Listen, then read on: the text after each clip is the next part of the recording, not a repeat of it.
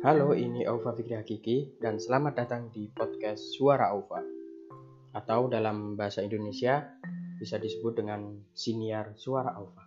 Kenapa sih nama podcast ini tuh Suara Aufa? Karena di sini aku bakal cerita tentang diriku sendiri atau mungkin bisa saja ngebahas sesuatu yang aku ngerasa relate sama hal tersebut. Dan ya udah pasti, yang konten di sini mayoritas bakal berupa opini.